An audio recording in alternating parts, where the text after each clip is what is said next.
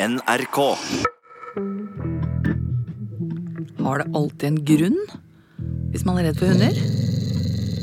Jeg mener, er det noe med barndommen? Har jeg blitt lukket inne i et lite rom sammen med en hund som flekker tenner da jeg var tre år, f.eks.? Jeg vet ikke. Men hvorfor jeg ikke liker å være i små, lukkede rom? Ja, Det må jo eventuelt ha sammenheng med at jeg sto der sammen med den bikkja, da. Hvis jeg opplevde å stå fastklemt sammen med en sånn svett tispe eller noe sånt noe. Eller kan det være noe helt annet?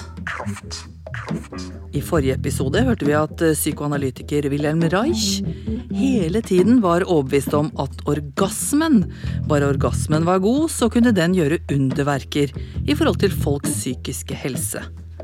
Men det var ikke alle enig i. Og blant de tilstander som onanisten kan få, eh, kommer da finner og kveiser, snue, katarrer, hypokondriske og hysteriske anfall, vedvarende dryppel, byller på testiklene, på penis, blærene og sædstrengen, hemoroider, lende- og ryggsmerter, forstoppelse, fistler, ryggmargssykdommer, appetittmangel, gikt og revmatiske lidelser av enhver art tidlig skallethet, blindhet, døvhet, nærsynthet, idiotisme og sinnssykdom.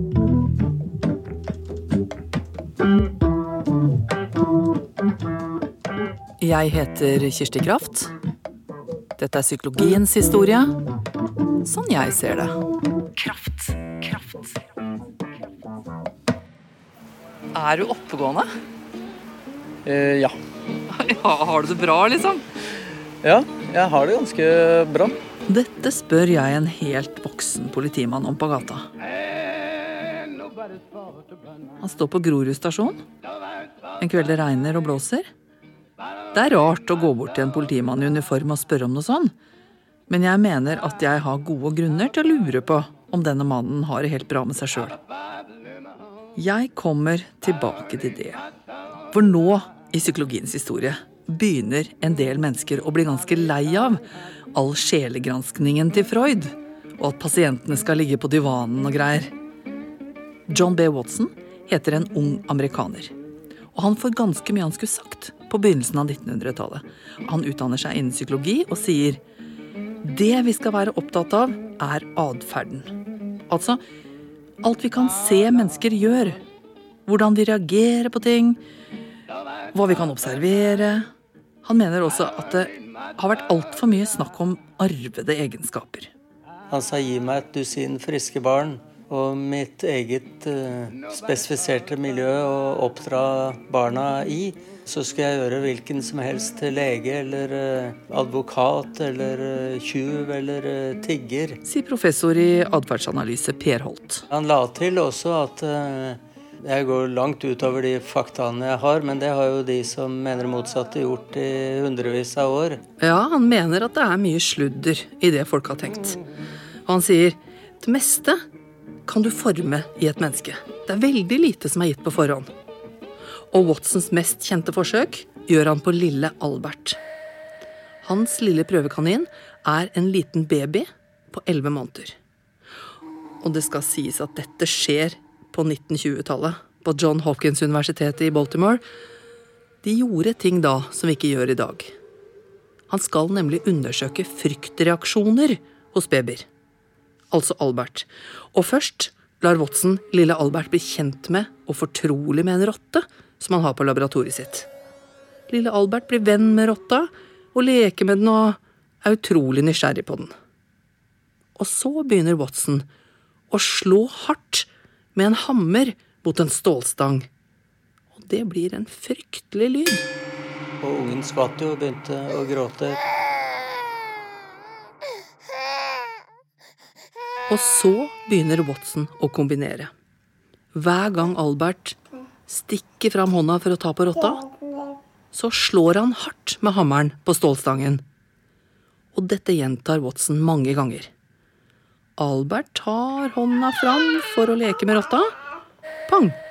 Så slår Watson. Albert tar hånda fram, og etter hvert så skjer det noe med lille Albert. Så begynte altså Albert å reagere med fryktreaksjoner på rotta også, som han ikke var redd for i utgangspunktet i det hele tatt. Klassisk betinging kalles det. Pavlov hadde prøvd det på hundene sine tidligere, og det handler om å sette sammen to ulike stimuli samtidig.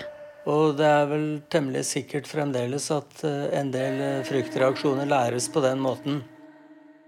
Og så tenker Watson videre. Hvordan kan frykt kureres? Det ville vært interessant å vite. Men det forsøket får ikke Watson lov av ledelsen på universitetet til å gjennomføre. Og det skal jeg fortelle deg hvorfor om litt. Men først bare si at elevene hans på laboratoriet får overta forsøket. Og de finner en ny liten gutt som heter Peter, som de utsetter for ting han frykter gang på gang uten at noe farlig skjer. Nettopp for å prøve å kurere guttens frykt. Nå er vi inne i det som kalles stimulus-respons-psykologien.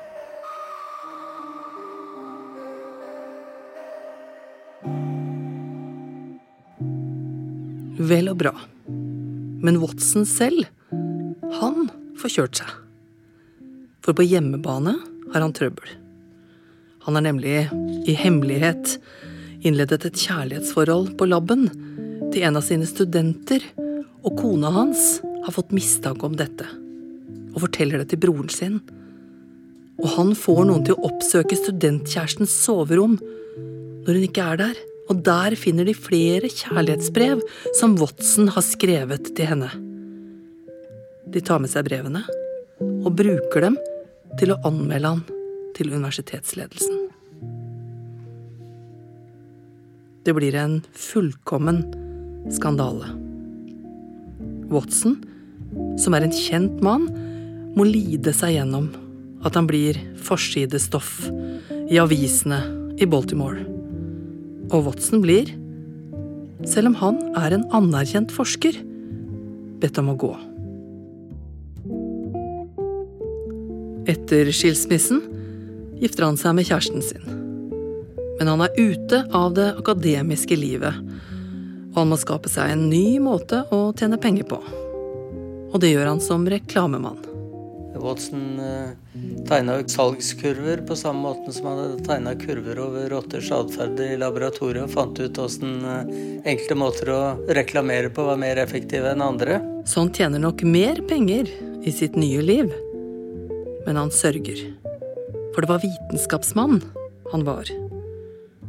Han har skrevet flere bøker om atferdspsykologi. Og når jeg kommer innom Jan Smetslund, forteller han at han nesten har vært utsatt for en av dem.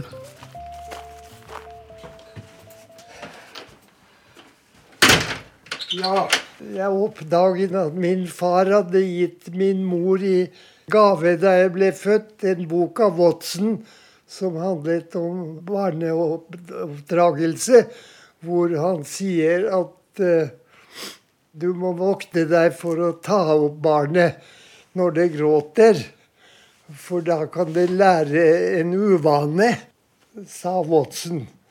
Og med historien hører at denne boka var uoppskåret. Var, så jeg er glad mor leste aldri den som far ga henne. På en underlig måte vil helt små barn, ja babyer, være et gjennomgående trekk i denne episoden. Men jeg står og følger med på politimannen i full uniform. En regntung kveld på Grorud stasjon. Hva er det han gjør? Det er en del ungdommer her. Er du ekte politi? Han begynner å snakke med dem. Du, hva skal du spille? En slem gutt. En slem gutt? Jeg ser et filmteam. Spiller ting? Hva, hva er det han slemme gutten gjør da, som gjør at han er slem? Det viser seg at de spiller inn en TV-serie her i kveld. Frekk mot voksne og sånt. Hvorfor er han det? Og politimannen han er med som statist. Han bare er sånn. Ja, hva kan være grunnen til at han er det, da? Her står han sammen med en del ungdommer som har roller i innspillingen. Dårlige venner. Han har dårlige venner. Ja. Dårlig selvtillit. Ikke selvtillit, dårlige venner. Dårlige venner. Kanskje, kanskje han har lyst til å være litt kul. Men har han valgt- han må være frekk. Men det er ikke det jeg er opptatt av, merker jeg. Så det er ikke hans skyld, altså. Det er vennenes skyld. Det er mer hvor på den politimannen er. Han spør og graver. Ja, hva er det som er årsaken til at han velger det han velger, da? Kanskje han er forvirret. Ja, Hva er årsaken til at han er forvirra, da? Hvorfor jeg er så nysgjerrig på politimannen, han han det skal jeg komme tilbake til. Han Det har ikke noe med innspillingen av den filmen å gjøre. Det er bare en ekstrajobb man har nå i kveld. For vi skal egentlig tilbake til Watson. Det vil si, han sørget jo for sin egen sorti som forsker innenfor atferdspsykologien pga. en ung student som han forelsket seg i. Det skjøv han helt ut. Om en stund så kom det en annen ung amerikaner inn på banen. BF Skinner. Han ville egentlig bli forfatter, men fant ikke noe å skrive om. Han tråkka litt frustrert rundt. Så kom han over en av bøkene til John B. Watson. Og da, akutt, oppsto det en interesse. Han ville finne ut mer om dette. Han søkte på Harvard, og han kom inn. Der blir han sittende og kikke på rottene i laboratoriene, og han tenker Jeg lager en egen boks med glassrute i, så jeg kan sitte her og studere atferden til én og én rotte. Han er litt av en Petter Smart. Og han tar fram verktøykassa nede i kjelleren på Harvard. Og snekrer og monterer en boks med en spak inni. Plasserer én rotte inni. Og når rotta finner fram til spaken og trykker på den, så har Skinner gjort det sånn at da kommer det en matbit. Denne boksen får navnet Skinnerboks. Og der sitter han og studerer rottene sine. Og de blir etter hvert veldig ivrig på å trykke på spaken. De finner ut av systemet, og på den måten kommer han fram til en teori om forsterkning. Ja, Det går ut på at atferd har umiddelbare konsekvenser som gjør at vi gjentar handlingene seinere under lignende omstendigheter. Fordi det lønner seg. Det er en måte å si det på på godt norsk. Popularisere og si fordi det lønner seg på et vis. Men det er litt eh, villedende, fordi at eh, når vi sier at noe lønner seg, så høres det ut som det er, eh, dreier seg om, om ting som alle er enige om at er noe positivt. Men nå kan det være de rareste ting som fungerer som det som lønner seg for eh, enkeltpersoner. Det bør ikke bare være penger og mat. Ikke bare penger og mat. Nei, det er faktisk veldig ulikt hva som oppfattes som attraktivt og godt. Nå sitter du kanskje og tenker dette er jo langt unna meg. Rotter og matbiter og Hva har dette med meg å gjøre? Det kommer om litt. Skinner blir lei av rotter. De lever så kort, og så har de ikke fargesyn. Så han går over til duer snekrer nye bokser som passer til duer, og såkalt forsterkning er hele tiden det han observerer. Ja, Noen viktige funn var jo dette her at uh, atferd blir veldig mye mer utholdende hvis forsterkerne ikke kommer hver gang. Hvis forsterkeren da ikke kommer lenger i det hele tatt, så vedvarer atferden over mye lengre tid enn dersom vi har vært vant med å få belønning hver gang. Hvis ikke forsterkeren kommer hver gang. Og nå kan det begynne å nærme seg deg og meg. For tenk deg at du fyller ut en lottokupong. Du gjør det fordi du har vært vitne til at en venn har vunnet fire millioner og kjøpt ny leilighet. Du vet at det virker. Fra da du oppdaget at din venn har vært på visning og lagt inn bud, og du spurte hvordan han hadde råd til det, fra da har du slengt inn lottokupong hver lørdag. For du dytter ned spaken og håper på det beste.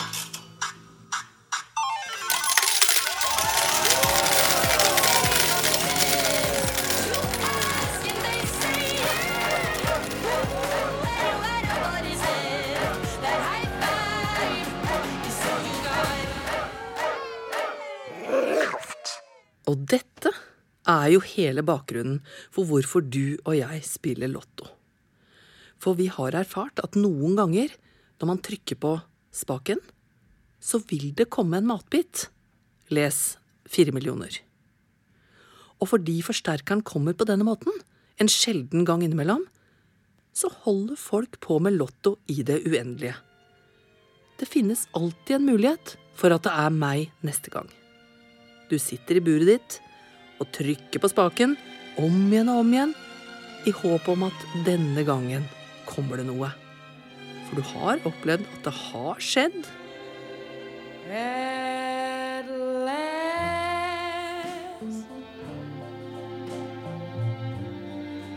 my love has come along. og enda nærmere følelseslivet ditt. Det psykolog Sissel Gran snakker om i sin bok 'Hekta', der kjæresten sier at han elsker deg en lang stund, og så blir han fjern og utilnærmelig. Du hører ikke fra han på flere uker. Da kan dette skje. Du vil gjerne ha mer, men det kommer ikke, og det kommer ikke. Og du blir ikke prioritert på en lang stund. Men du vet at det er så godt, det som kommer. Du kan komme til plutselig å bli sett og kost med. Og det er så deilig. Du er hekta. Du blir sittende i buret ditt og vente på mer. Uten å tenke tanken om at du egentlig må ut av dette destruktive forholdet. Fordi han eller hun tydeligvis vil satse på deg annenhver måned. B.F. Skinner er med på å oppdage noe viktig om avhengighet, der han sitter og kikker inn i buret på duene sine i kjelleren på en av verdens mest berømte universiteter en gang på 1960-tallet. Jeg laget en sånn kanne med litt kaldt drikke, sånn juice og vann. Ja. Ja. ja, flott, flott, flott. Skal jeg bli med deg og hente? Jeg har eh, blitt flittig gjest hos professor emeritus Jan eh, Smetslund. Han serverer nå drikke, og han forteller meg ja visst, han har møtt Skinner. Han traff han en gang han var i Harvard-parken. Jeg var ute med min sønn som var to år. Og Der har du det. Og her er glass. ja, vi tar et her. Det kan vi gjøre. Han hadde et eh, opphold på Harvard University i Boston en gang på 60-tallet. Og da hadde han tatt med seg familien sin fordi han skulle forske der en stund. Satt på en benk, og han lekte med spann og spade i lekesandkassen. Så ser han en due som ser en metemark som han prøver å spise, og metemarken prøver å komme seg unna. Og min sønn ser på duen, og så kommer Skinner gående over plassen. Jeg kjente jo ham. Så ble han stående og se på. Han så ikke meg, han så bare min sønn. Og som så på duen som så på metemarken. Og der sto Skinner og så på ham. Og der satt jeg på benken og så på Skinner.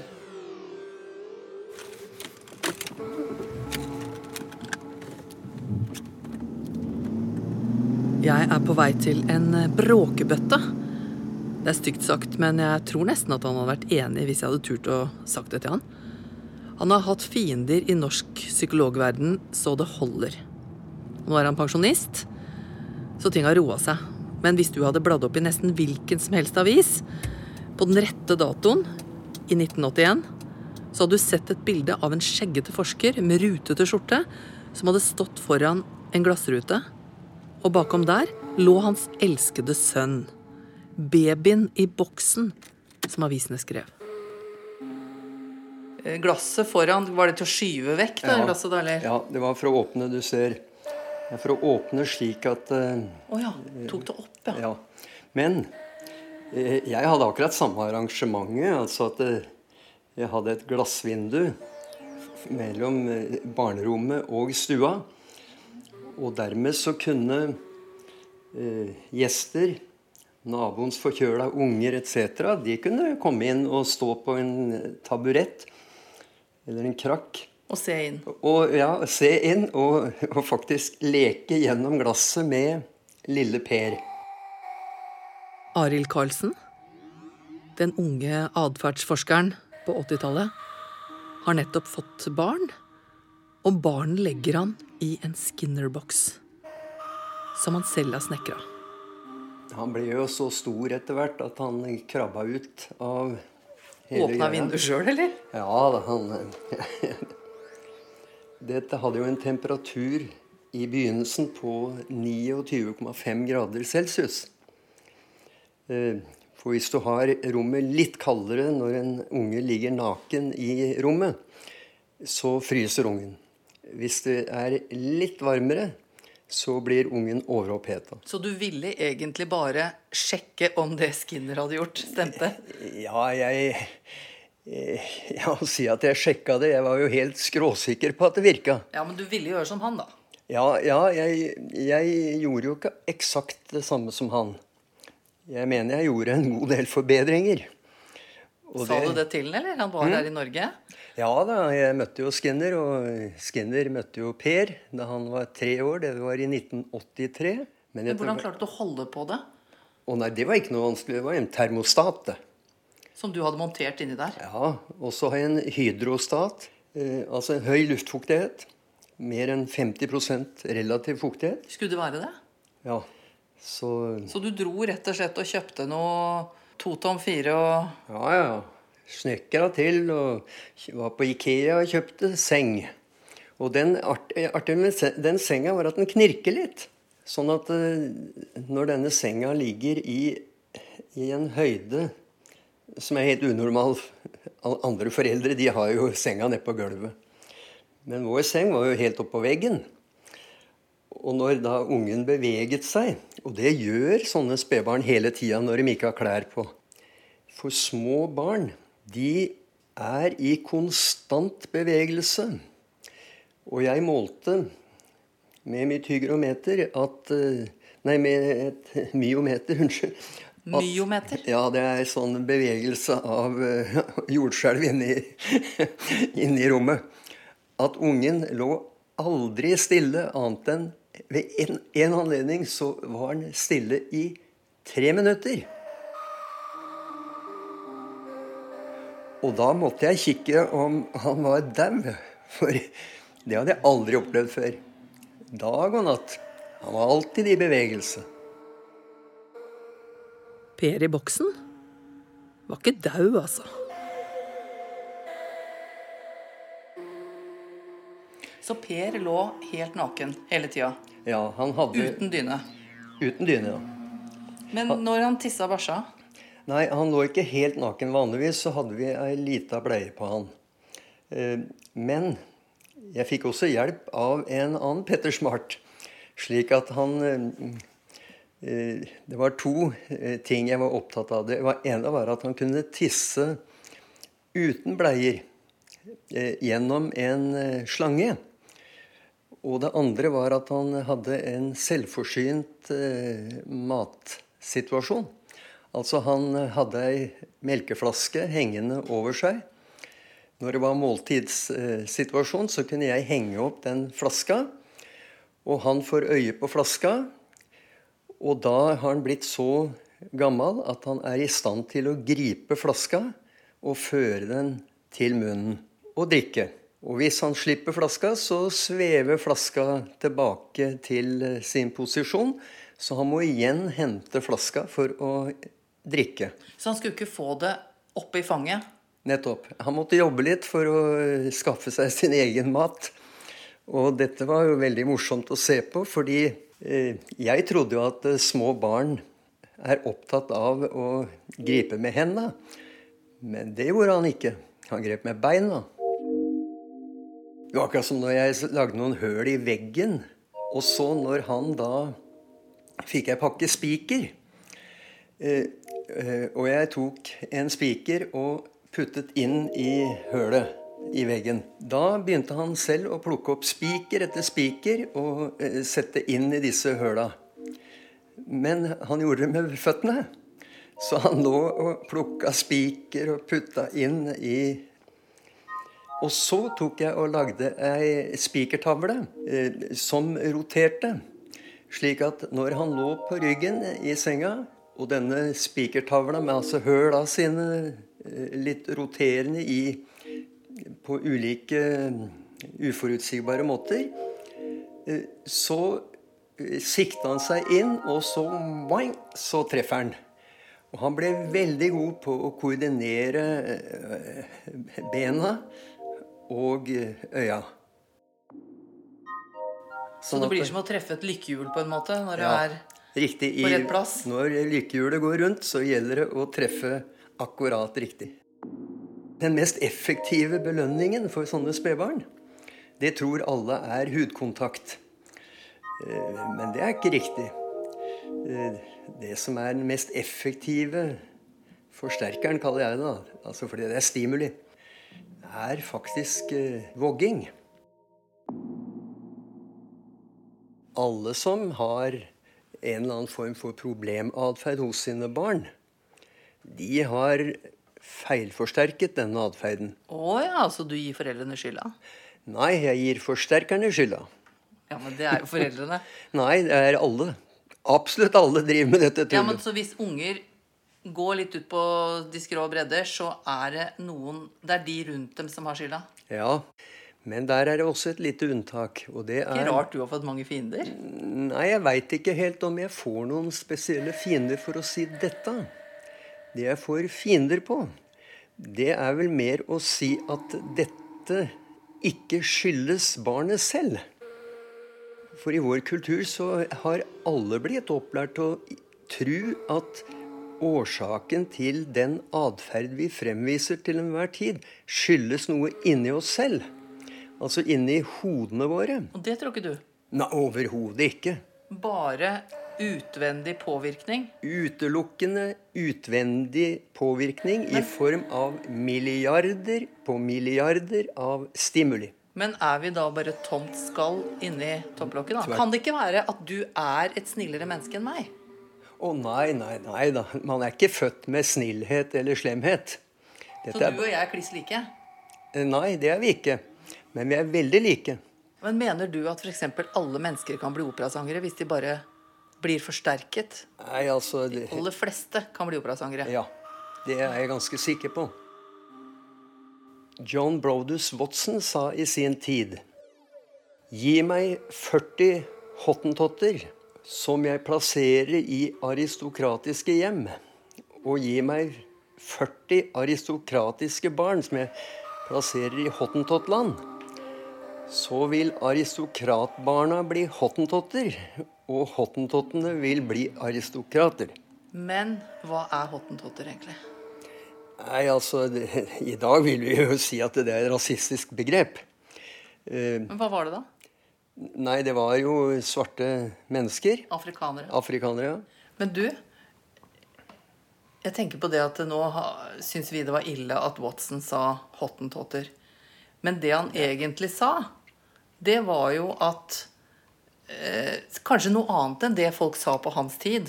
Ja, Gi meg barn fra en hvilken som helst kultur, Ja, og sett dem inn i en annen kultur, og de blir som de barna i kulturen. Og det var sikkert ganske radikalt. Det var radikalt. Jeg tenker idet jeg går ut av huset hjemme hos eh, Arild Karlsen, at det er store forskjeller innenfor psykologien. Atferdsforskning, eller beorisme, som det heter, på den ene siden, og Freud og Reich, for eksempel, på den andre. Og så får jeg meg en liten mental klyse rett i trynet på vei ut. Hvis du da har en serie om ulike psykologier, så må du være klar over at eh, disse ulike psykologiene er vrøvl opp og vrøvl i mente. Det er teorier uten noen vitenskapelig forankring.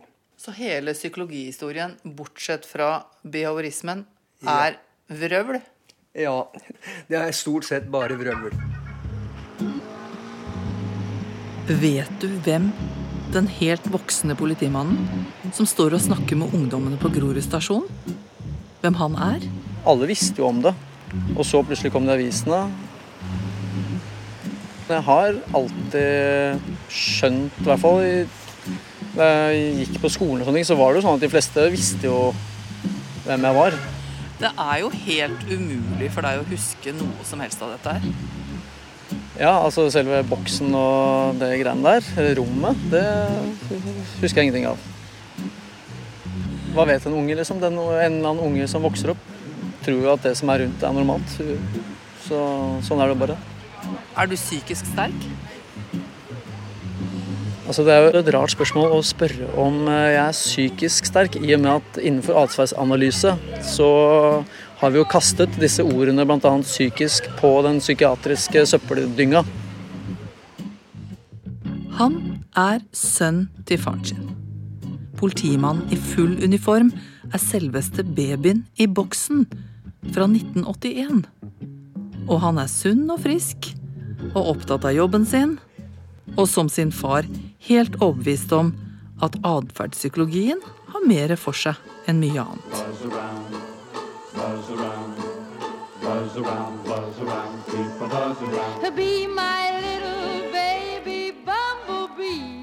Og jeg skal fortsette å vrøvle. I neste episode skal vi til tiden da de lyse krøllene og den honningsøte stemmen til Doris Day ble spilt i enhver frisørsalong. Nå begynner psykologene å tenke vi kan ikke bare studere én og én. Vi lever jo i flokker. Sammen. Og andre verdenskrig har gitt forskerne behov for å finne ut mer om lydighet og ondskap.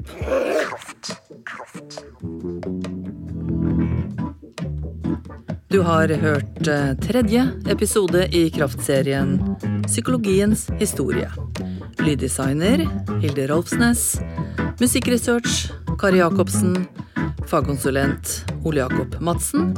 Prosjektleder Hege Haug Omre, og mitt navn er Kirsti Kraft.